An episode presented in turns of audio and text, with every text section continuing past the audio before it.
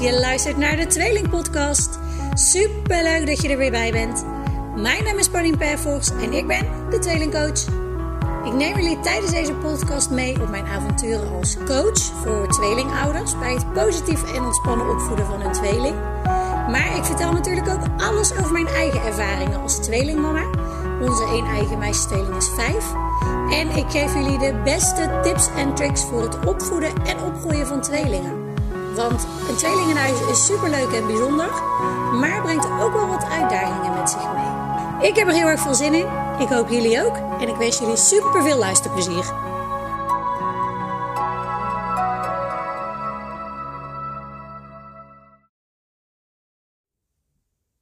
Hey, hallo en een goede avond inmiddels. De meiden liggen hier net op bed. En uh, nou, ik denk, uh, mooi moment om nog eventjes de eerste podcast van deze week op te nemen. Want mijn challenge die ik mezelf had gesteld om elke, of in ieder geval om een maand lang, elke werkdag, of in ieder geval elke dag dat voor mij een werkdag is, een podcast op te nemen. Nou, die staat nog steeds. Ik ben begonnen op 7 maart. En nou, het is vandaag 4 april. Dus nou, ik mag nog een paar dagen. maar waarschijnlijk ga ik er lekker mee door. Want nou, ik vind het een mooie stok achter de deur voor mezelf om te blijven podcasten. Er komen steeds meer hele leuke reacties op. Um, nou, dus ik hoor zeker weten heel graag van je. Laat me weten hoe je de podcast vindt en of dat je misschien zelf een uh, vraag of uitdaging hebt uh, die, uh, ja, die je graag voorbij wil horen komen. Dat kan natuurlijk anoniem, als je dat fijn vindt. Dus um, ja, morgen is wel leuk om te vertellen. Morgen ga ik een podcast opnemen met iemand anders. Uh, of eigenlijk ga ik in haar podcast. En uh, nou, ik denk dat ik, die, dat ik die podcast met haar, uh, als ik word geïnterviewd, over mijn leven als ondernemende moeder ook vooral. En ook wel een stukje gaan we het hebben over tweelingen. Um, nou, die ga ik dus waarschijnlijk ook, ook hier delen. Dus stay tuned. En verder hoor ik dus heel graag als je een eigen vraag of uitdaging hebt. of een leuk onderwerp. Uh, of als je gewoon heel erg uh, nou ja, blij wordt van de podcast. Of als je het een mooie toevoeging uh, vindt in podcastenland. Laat me zeker weten. Maar nog mooier zou het zijn als je een rating wil achterlaten op Spotify. iTunes ben ik nog steeds druk mee. Dat gaat niet helemaal van een leidakje. maar hier op Spotify kan je in ieder geval een, sterren, ja, een sterrenrating geven. dus doe dat zeker. dat, ja, dat zou ik super tof vinden als je dat wil doen. Nou, vandaag uh, uh, heb ik een lekkere werkdag weer gehad. En om half drie kon ik de meiden uit school gaan halen. En toen merkte ik het al een beetje dat er wat strijd en wat spanning in de lucht hing. Um, ze konden niet zo heel veel van elkaar hebben. Uh, ze waren ongeduldig. lieten elkaar ook niet met rust. En dat is meteen echt wel het moeilijke soms van tweelingen. Is dat op de momenten dat de frustratie of de irritatiegrens heel laag ligt en ze dus weinig van elkaar kunnen hebben, om een bepaalde reden zoeken ze elkaar dan juist heel erg op. Uh, um, en lijkt het wel of dat ze elkaar nog even wat extra willen, willen irriteren.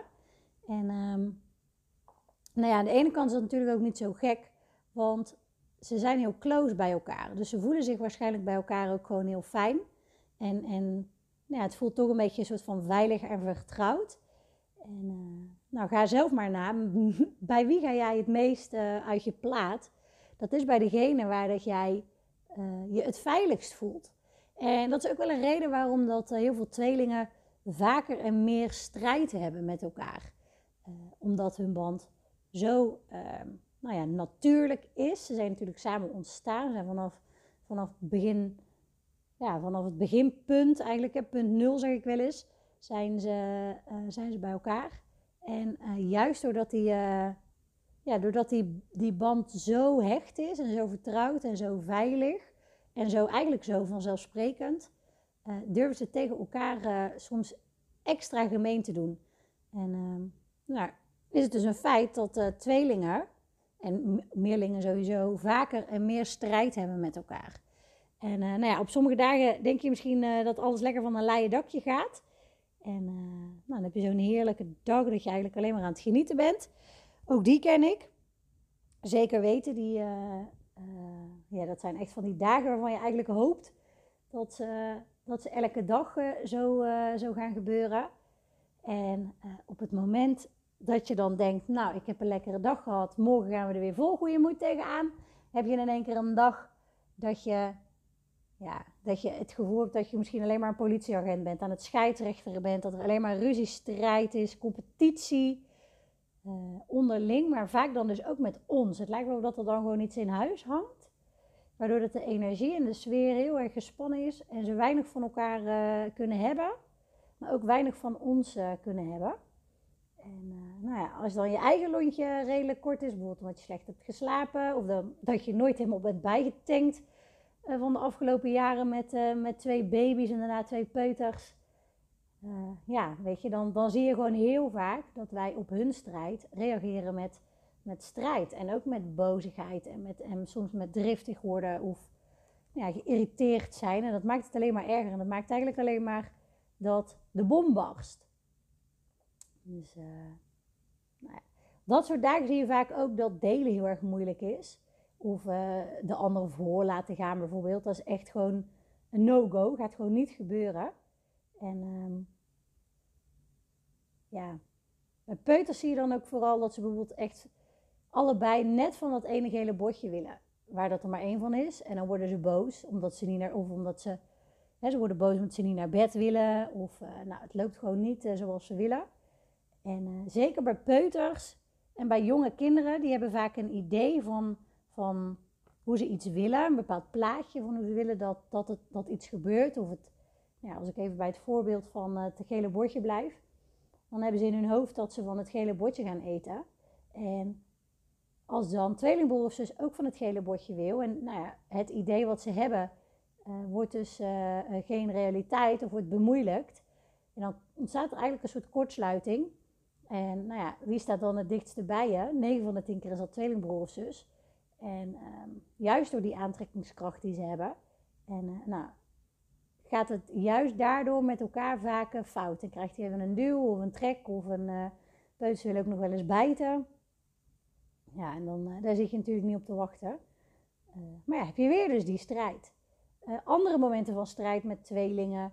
Ehm, omdat ze pindakaas op hun boterham willen. En als je dan pindakaas hebt gesmeerd, dan willen ze toch in één keer uh, smeerworst. Uh, maar ja, jij vindt dat ze die pindakaas moeten opeten, want jij wil de pindakaas op je boterham. Ja, dat, dat soort dingen, dat zijn dus ook weer van die dingen, zeker bij peuters, dat, um, ja, dat ze een bepaald idee in hun hoofd hebben. Misschien hebben ze de pindakaas en de smeerworst wel door elkaar gehaald bedoelden ze smeerworst, maar zeiden ze pindakaas. En een goede tip daarbij is om bijvoorbeeld met zo'n uh, zo'n zo'n boterham, laat ze eens zelf kiezen. maar laat ze het dan ook echt aanwijzen. En nog beter is dat je voor je ontbijt bijvoorbeeld of voor je lunch wat extra tijd inplant. En laat ze dan vooral zelf smeren. Dus ga aan tafel zitten, zet een paar dingen op tafel. Niet te veel, want als de keuze te groot is, ja, ontstaat er ook een soort kortsluiting, ook een soort error. Maar zet twee of drie opties op tafel. pindakaas, smeerworst en kaas. Of maar net wat jullie, wat jullie eten en wat jullie oké vinden. Laat ze het zelf aanwijzen. Geef ze een kindermesje en laat ze lekker smeren. En ja, je hebt kans dat het een deddelboel wordt. En ja, je hebt kans dat het langer duurt. Uh, de kinderen voelen zich heel zelfstandig. De kinderen zullen ook gaan ervaren dat het ze lukt en dat het ze dus ook steeds beter lukt. En dat zijn allemaal succeservaringen die er weer voor zorgen dat ze meer zelfvertrouwen krijgen. Dus um, nou ja, als je strijd wil voorkomen bij je, bij je kinderen, is uh, keuzes laten maken al een heel goed iets. En uh, hou het dan dus inderdaad bij twee dingen, misschien drie als ze wat ouder zijn. En um, als je het een beetje slim speelt, uh, geef je dan dus ook nog keuzeopties die jij helemaal, helemaal goed vindt. En zorg dat er geen keuzeopties bij zitten die, die je liever niet hebt. Dus als je wil dat ze naar buiten gaan, dan vraag je dus niet: wil je buiten spelen of wil je tv kijken? Grote kans dat ze dan tv kijken en dat jij dat weer net niet in je hoofd had. En um, nou, kies dus opties of geef ze, geef ze opties die, die jij oké vindt. Um, Maar je zult merken, dus als ze die eigen keuze mogen maken, bijvoorbeeld met zo'n boterham, of bijvoorbeeld met hun kleding, dat er al een strijdmoment wegvalt. Sorry. Er komt er nog een aan. Zo. Sorry hoor. Gezondheid. Maar, uh, nou ja. Uh, maar wist je ook dat uh, tweelingen, of dat je, nou eigenlijk niet eens met tweelingen, dat je als ouder zijnde uh, gemiddeld vijf uur strijd per week hebt met je kinderen. En nou ja, wat ik dus net ook al zei, dat die strijd dus bij meerlingen vaak heftiger is, maar ook frequenter. Dus je hebt best wel kans dat dat veel meer is dan die vijf uur. En uh, nou, toen ik dat las, schrok ik eigenlijk best wel. Want vijf uur op een week vind ik echt uh, best wel veel. Zeker wanneer dat die week dus ook dagen bevat dat ze niet thuis zijn door de opvang of door school of door BSO. Of nou ja, doordat ze niet thuis zijn bij jullie. Dus um, nou ja, en, en ik zei ook al, ja, bij meerlingen is dat dus niet eens zo heel erg gek dat dat ook wat heftiger gaat. Omdat ze gewoon zoveel tijd met elkaar doorbrengen. Uh, zo echt die aantrekkingskracht hebben naar elkaar. Makkelijk in elkaars uh, ruimte zitten, in elkaars aura zitten, om het even zo te noemen. En um, nou ja, als je zo close bent met iemand en die band is zo, zo hecht en zo vanzelfsprekend, dan durf je daar ook verder te gaan. Dus uh, nou, die strijd is vaak, vaak wat heftiger. Ze, hebben gewoon ze weten gewoon, nou, mijn tweelingbroer zus gaat gewoon nergens heen. Dus dat, um, ja, dat, dat geeft hun de uh, mogelijkheid om heftiger naar elkaar te reageren.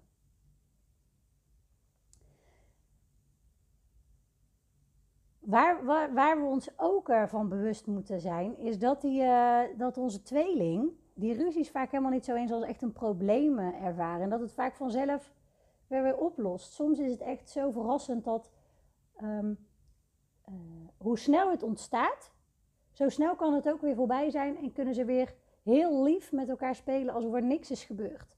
Dat is echt uh, heel bijzonder. En soms is het zelfs zo dat wij de aanstichters zijn. Als zij een beetje aan het akkefietje, ja, een akkefietje hebben en, en wij stappen daar bijvoorbeeld te snel in. En we gaan dat te snel als soort van politieagent, hè, dus eigenlijk een soort van olie op het vuur gooien.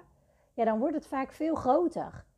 Um, en je zal ook merken dat als jij als jouw eigen lontje steeds korter wordt en je neemt te weinig tijd om op te laden. En nou, daar heb ik ook een paar mooie podcasts over opgenomen.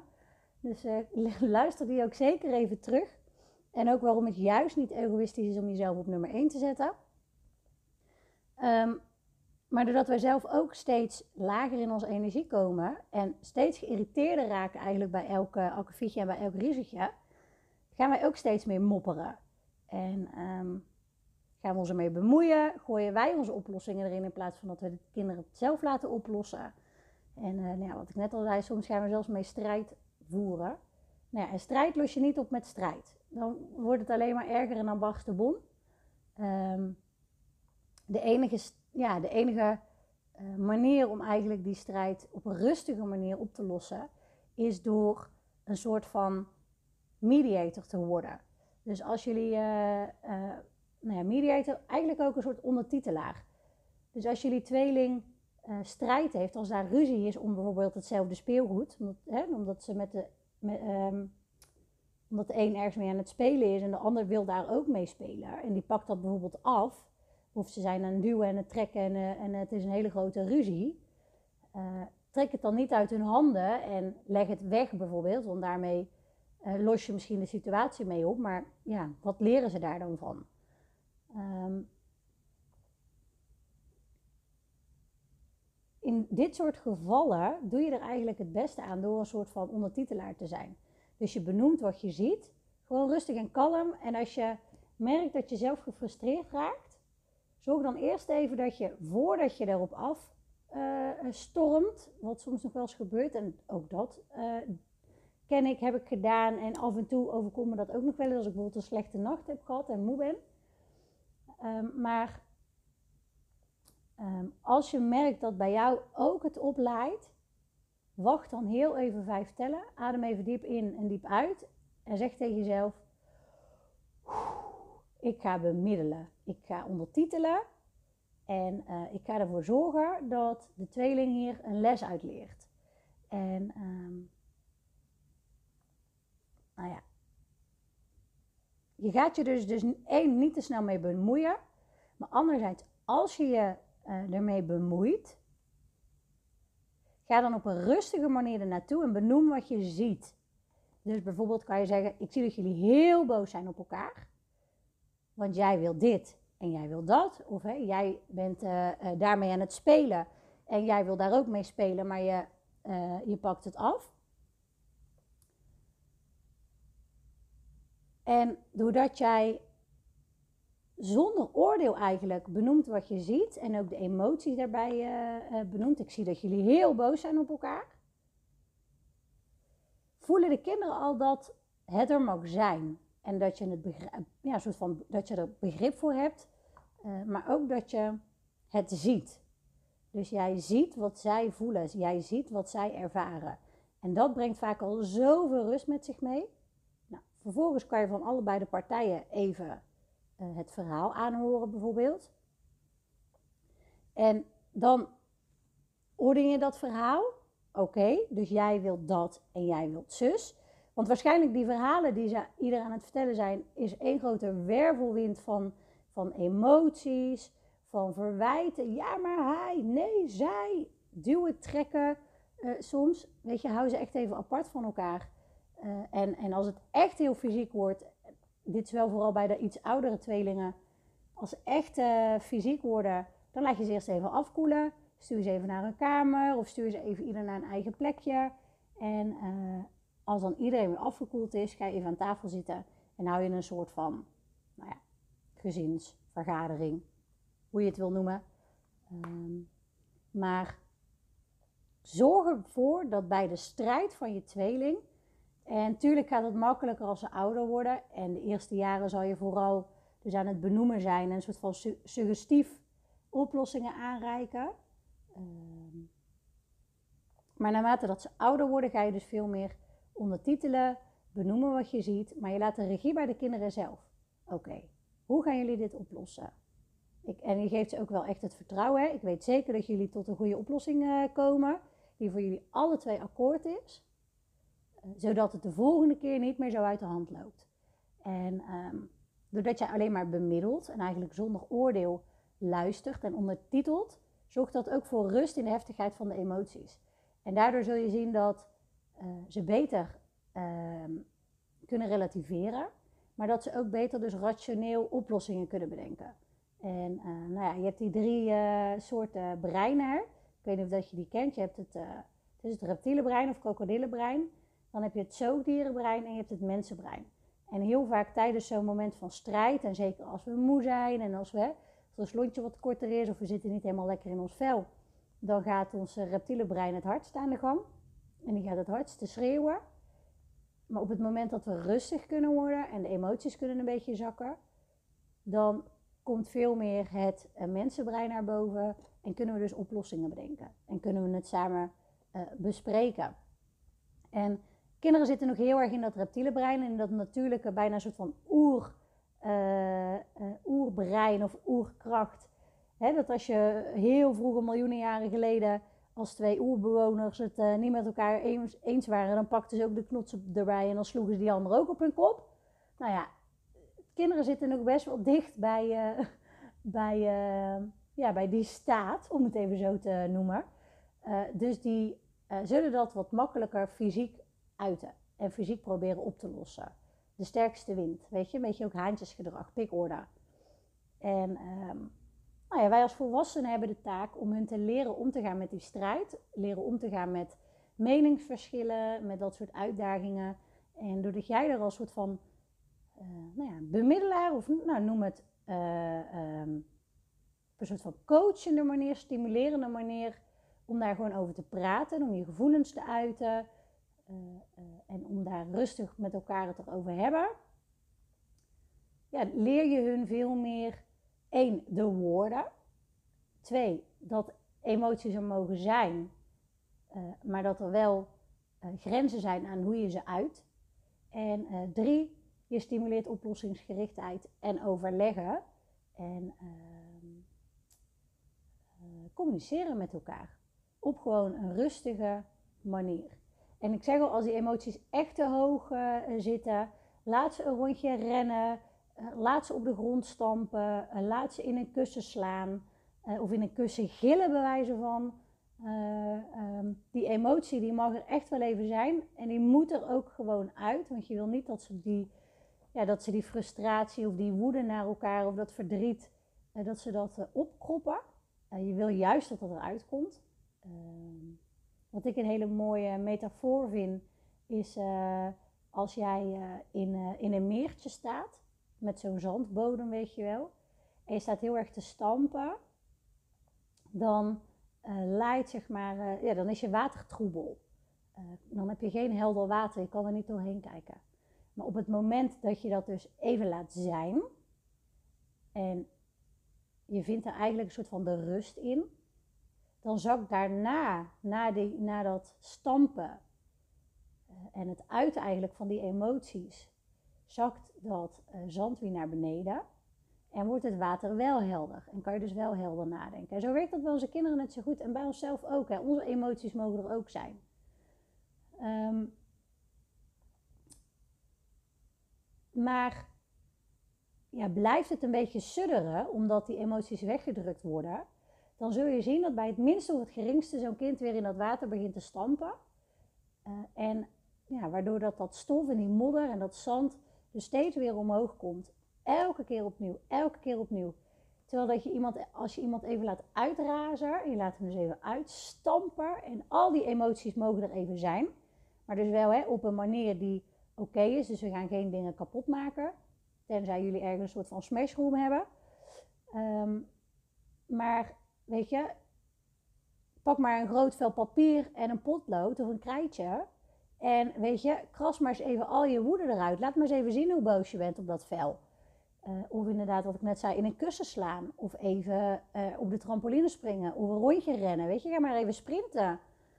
Um, allemaal uh, dingen om eventjes te ontladen. Om die emotie er even te laten zijn. En als die dan klaar is, en kinderen weten heel goed aan te geven wanneer dat, dat is, dan is het rustig en dan kan je het daarna met z'n allen bespreken. Um, wat ik daarbij nog wel belangrijk vind om te zeggen, is naast zodat jouw lontje uh, gewoon zo lang mogelijk is, hè, zodat je zelf op een fijne, positieve manier erop kan reageren, zorg er ook voor dat je als ze zeg maar echt onacceptabel gedrag vertonen, dat je het gedrag benoemt en ook het gedrag bijvoorbeeld afkeurt. Als ze echt bijvoorbeeld tot bloedens toe, hè, dat zie je ook echt wel een soort tot bloedens toe bijten of, of elkaar slaan of, of haren eruit trekken. Eh, echt dat hele fysieke, of als ze dingen bijvoorbeeld kapot maken, eh, benoem dan dat je het gedrag niet accepteert. Het gedrag is onacceptabel. Dit gaan we echt niet meer doen. Wijs nooit, maar dan ook nooit je kinderen af. Zeker niet in bijzijn van de ander. Ga de ander ook niet extreem prijzen uh, uh, om uh, bijvoorbeeld goed gedrag. want daardoor kan die ander heel onzeker worden en um, ja, zich ook echt wel wat, wat, wat minder voelen ten opzichte van tweelingbroer of zus. Dus waak daarvoor. maar zorg er dus vooral voor dat je het gedrag benoemd. En speel het niet op de persoon zelf. Want dat, ja, dat doet niks goed voor, voor het zelfbeeld en het zelfvertrouwen. Uh, dus nou, blijf daar heel ver van weg. Oké, nou ik hoop dat jullie het weer lekker waardevolle podcastaflevering vonden. deel hem zeker met wie dan ook. En mocht je echt nou ja, de strijd thuis beu zijn en denken: oké, dit moet toch anders kunnen, stuur me even een berichtje dan uh, kletsen we erover en uh, kijken we um, nou, of ik wat voor jullie kan betekenen. Al dan niet in bijvoorbeeld een gratis uh, tweelingsparsessie. Dus, dus dat. En laat me ook zeker dus even weten als je een vraag hebt, als je een uitdaging hebt of een onderwerp wat je graag voorbij hoort komen. Word ik heel erg blij van. En dan zie je die zeker, zeker weten de komende tijd in de podcasten voorbij komen. Dus let me know. Ik hoor heel graag van jullie. En um, tot morgen. Doei!